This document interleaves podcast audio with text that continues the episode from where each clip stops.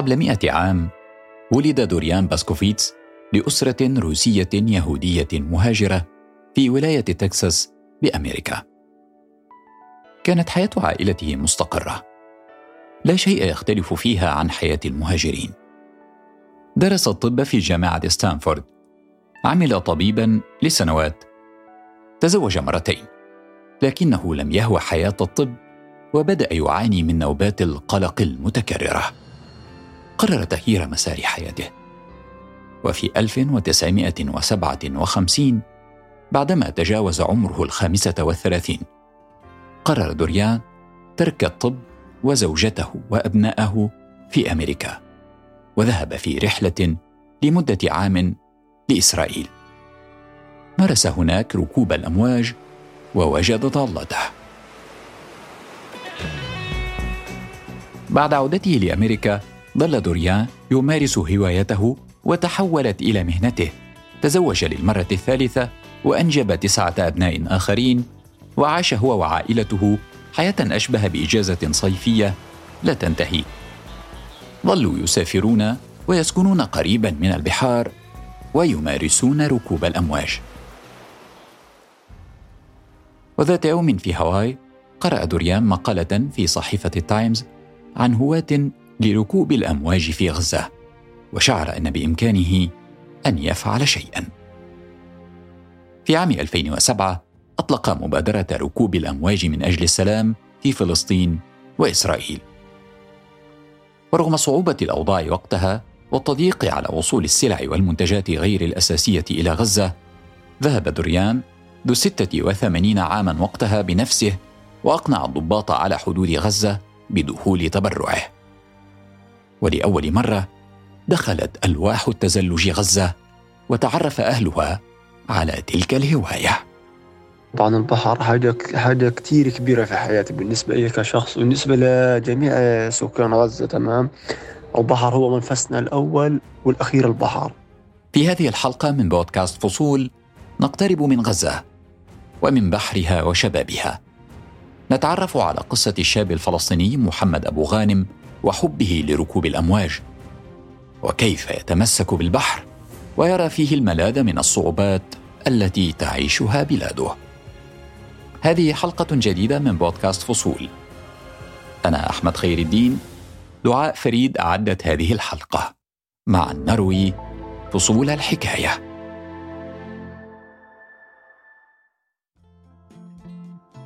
اسمي محمد رجب يوسف أبو غانم عمري 24 سنة ولدت في غزة وسكان غزة طبعا النادي البحري ولد محمد في عائلة تهوى البحر. غزة مدينة ساحلية تقع في الجزء الجنوبي للساحل الشرقي من البحر المتوسط. يعيش أكثر من مليوني شخص في غزة. كنت شقي كثير كمان. وأنا صغير يعني كنت 24 ساعة في البحر. أروح من المدرسة حتى أشرد من المدرسة وأروح على البحر. كل حلمي وكل حياتي كانت في البحر. كل طفولتي كانت في البحر. السباحة رياضة شهيرة في غزة. ففي ظل وضع سياسي صعب وقيود مفروضة من السلطات الإسرائيلية على التنقل البري والجوي والبحري في غزة منذ عام 2007 يمثل البحر المتنفس الوحيد والأفق الشاسع لأهل المدينة. صيادين يعني وضعنا على الله طبعا الحمد لله. وكل طفولتنا وكل حياتنا يعني في البحر حتى خواتي أبوي علمهم السباحة علمهم حتى ركوب الأمواج وقعدوا يشيطوا معانا. وبعديها بعد ما تجوزوا وخطبوا خلاص مش الكل صار يمارس فيها هذه الهواية. وبالرغم من رومانسية العيش على البحر إلا أن الواقع كان قاسيا إلى حد كبير. سكن مقصر هذا مش ملاقي يعني وضعنا صعب ودارنا عقدنا وما شاء الله إحنا 11 نفر يعني مش قلال فالو يعني عن جد الوضع صعب وضعنا المادي بس الواحد بيقول الحمد لله بتعايش مع الدنيا ومع الحياة. لم يكمل محمد دراسته. حوالي 30% من الأسر في غزة تواجه صعوبات في توفير احتياجات التعليم الأساسية مثل الرسوم المدرسية والكتب بسبب نقص الموارد المالية. سبت المدرسة ونزلت على البحر خلص حبيت البحر حبيت مهنته حبيت شغله. صار البحر الآن كل حياته. علمه أبوه التزلج وركوب الأمواج وقتها. حتى وأنا صغير يعني كان أبوي يعلمني يعني موقف لا اليوم لا أنساه حتى لما أموت راح أتمم اتذكره يوم ما بيتها ضربني كنت أتعلم.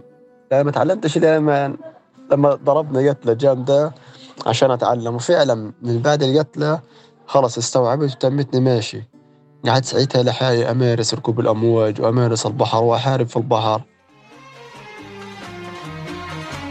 عندك بحرية يا ريس سمر شرقية. عشان صيادين وفي البحر. ويعني السمر إحنا عشان من البحر. فكنا نحب اغنيتي المفضلة عندك بحرية يا ريس سمر شرقية. خلاص بحب البحر بحب أغاني البحر. بسبب عدم إكمال تعليمه وحبه للبحر قرر محمد أن يعمل منقذا بحريا. وذلك عرضه لبعض الصدمات التي لم ينسها. عند صخر المينا خبطت في الصخر يوميتها وكان ولد غرقان نزلت طلعته وأنا بشيط طلعت الولد الغرقان كان ميت طلعته ميت أنا. فده يعني أصعب موقف يعني مرت فيه في حياتي لحتى الآن متذكره. يعني كان منظر آه، مرعب بصراحة وأنا خفت يعني شيء بين حياة وموت أنا لقيته بين نارين تحت البحر وتحت الصخر وجنبي طفل صغير يعني غرقان.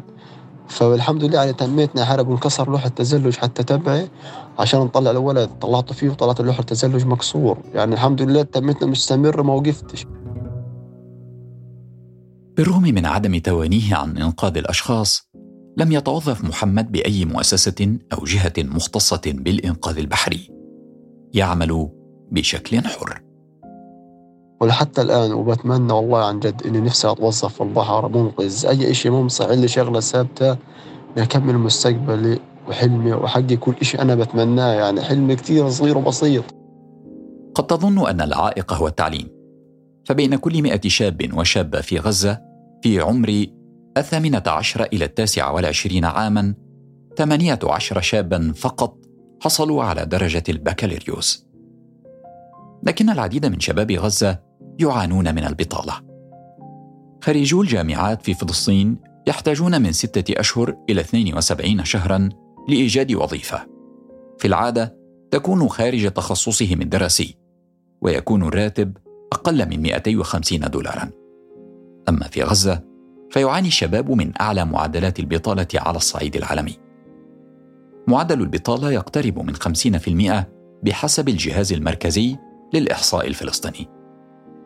لم ينتظر محمد الوظيفة، فهو لا يملك تلك الرفاهية. عليه أن يدبر مصاريفه ومصاريف عائلته. عمل صيادا مع عائلته. اشتغلت مش ما اشتغلت كذا شغلة عشان أشتري لوحة تزلج أنا ما اخذتش ولا اجاني أي دعم من برا أنا كان يجي داعم بس أنا ما اخذش أنا كل كنت أشتغل أشتغل وأتعب كنت اخذ في اليوم عشرة شيكل 15 شيكل كنت أسرح في البحر ويطلع لي 10 15 20 البحر أرزاق طبعا من الله. ومما يحصل عليه من أموال بسيطة كان شغوفا بحلمه أن يصبح راكبا محترفا للأمواج. كنت أشتري فيه مغراض البحر اشتريت له 100 لوحين تزلج. واشتريت كمان واحد صار عندي ثلاثة ألواح اشتريتهم كلفوني 20 مليون. أنا بعد معاناة وتعب وتحويش حرمت حالي الشيكل صرت أشتي الشيك عشان أحقق حلم وأستمر في هوايتي هذه. وإحنا ما فيش عندنا يعني ما معيش مسار حتى أقدر أبني هوايتي وأطور حتى ركوب الأمواج. يعني بدها إمكانيات وبدها فلوس بدك تفتح مشروع بدك يكون عندك إمكانيات عشان تقدر تعلم فيهم جيل تاني تعلميهم من ركوب الأمواج وتعلميهم من السباحة يكونوا بيسبحوا. فيش مصدر دخل إلي حتى إنه أقدر أقدر أجيب إمكانيات أو حتى أشتري إمكانيات.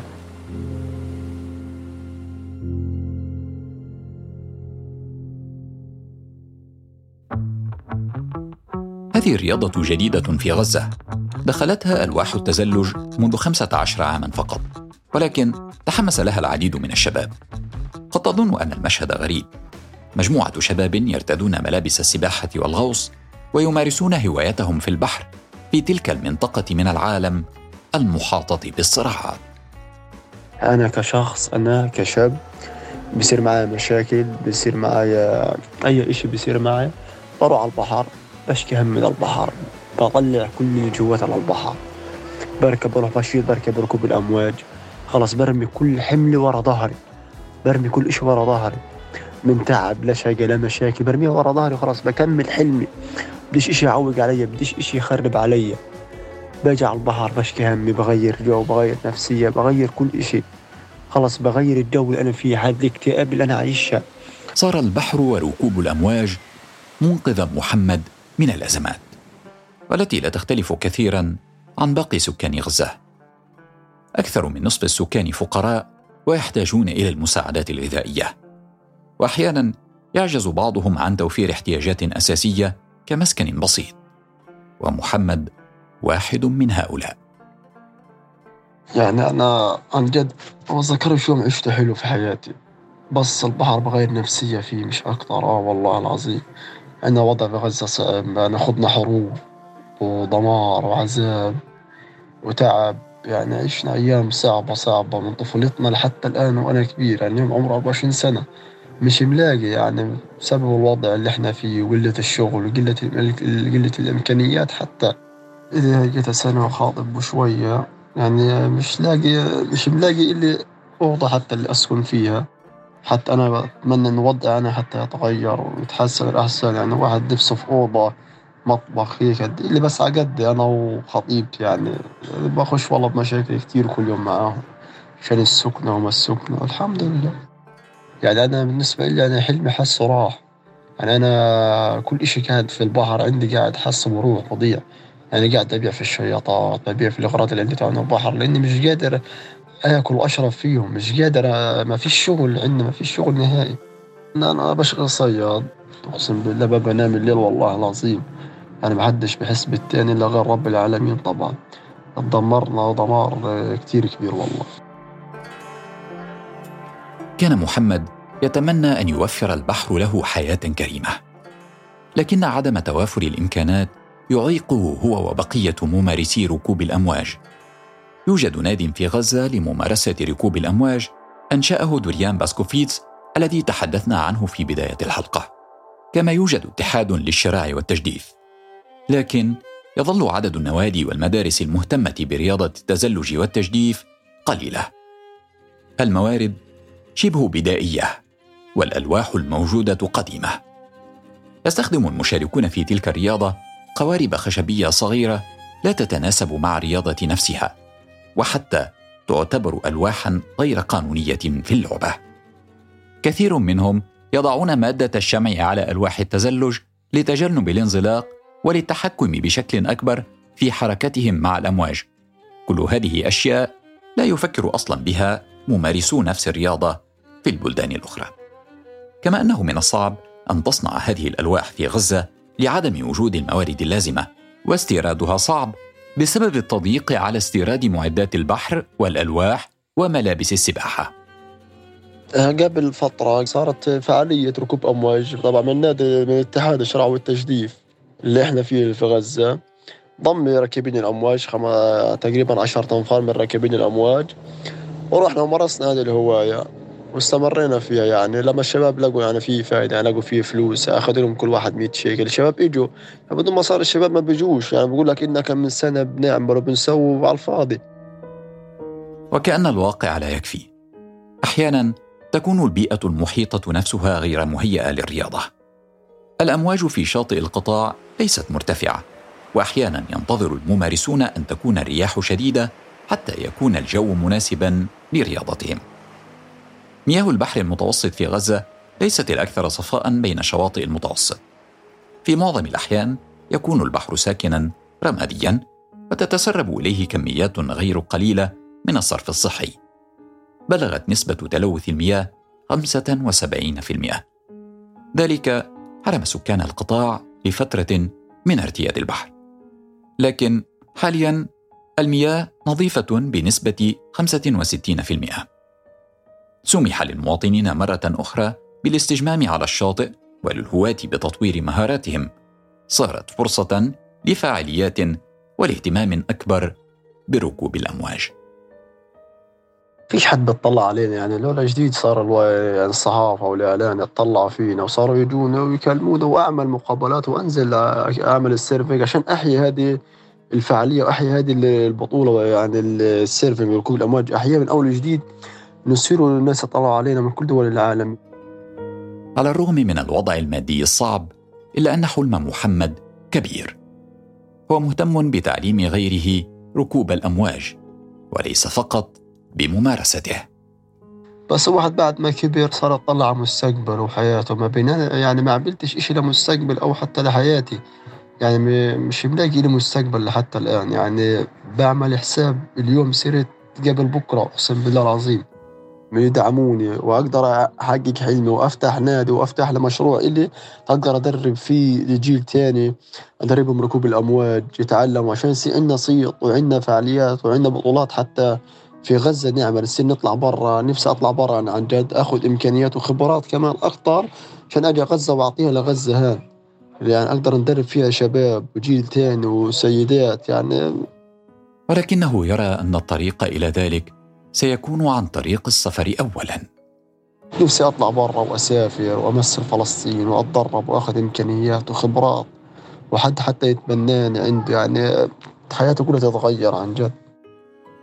هذه ليست أمنية محمد فقط. لطالما كانت الهجرة حلا لشباب غزة للهروب من الفقر والبطالة. بعد عام 2007 وتحديدا عندما شددت السلطات الإسرائيلية القيود وفرضت حصارا جويا وبريا وبحريا على الأشخاص والبضائع التي يسمح بدخولها عبر المعابر التي تسيطر عليها إسرائيل. يقول مكتب الأمم المتحدة لتنسيق الشؤون الإنسانية في الأراضي الفلسطينية إنه سجل خروج أكثر من عشرة آلاف شخص شهريا من غزة على مدار ثمان سنوات. هذا محبط لكثير من الشباب. 22% من المجتمع الفلسطيني من الشباب. وأكثر من 8% في قطاع غزة. أكثر من نصف الشباب في القطاع غير منخرطين في عمل أو تعليم أو تدريب. كل هذا يصعب الوضع على الشباب هناك، خاصة من يريد أن يتطور في مجاله. كل إشي بدك تشتغلي فيه بدك بدك رأس مال، أي شغلة بدك تفكري فيها، أي مشروع بدك تعملي بدك رأس مال، سواء بحر غير بحر، فيش إشي بدون رأس مال بدون مصاري ما بتمشيش. تقدر تبني مستقبلك وتقدر تحقق حتى حلمك.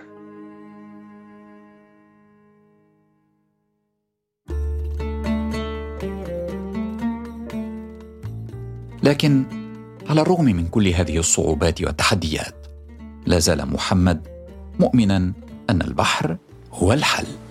يعني أنا البحر يعني روح أنا زي السمكه طلعت من البحر بموت بالعربي. خلاص كل حياتي معلقة في البحر وكل شغلي وكل أحلامي وكل طفولتي حتى في البحر. خلاص البحر مش سايبه. أتم مستمر فيه البحر حتى لو بدي أشحت شحتة. رغم الحصار اللي إحنا عايشينه. بدنا نكمل وبدنا نستمر. بس والله يعني عن جد الحياة صعبة عندنا في غزة كتير. يعني الواحد بيتمنى الأوضاع تتغير. وأنا بتمنى كل حياتي تتغير. وحتى مستقبلي حتى حلمي اللي أنا أنا رسمته من أنا صغير طفولتي إنها أحققها وأنا كبير. أحقق حلمي ومستقبلي. كانت هذه فصولا من غزة وبحرها. هذه تحياتي أنا أحمد خير الدين ودعاء فريد في الإعداد معا نروي فصول الحكاية.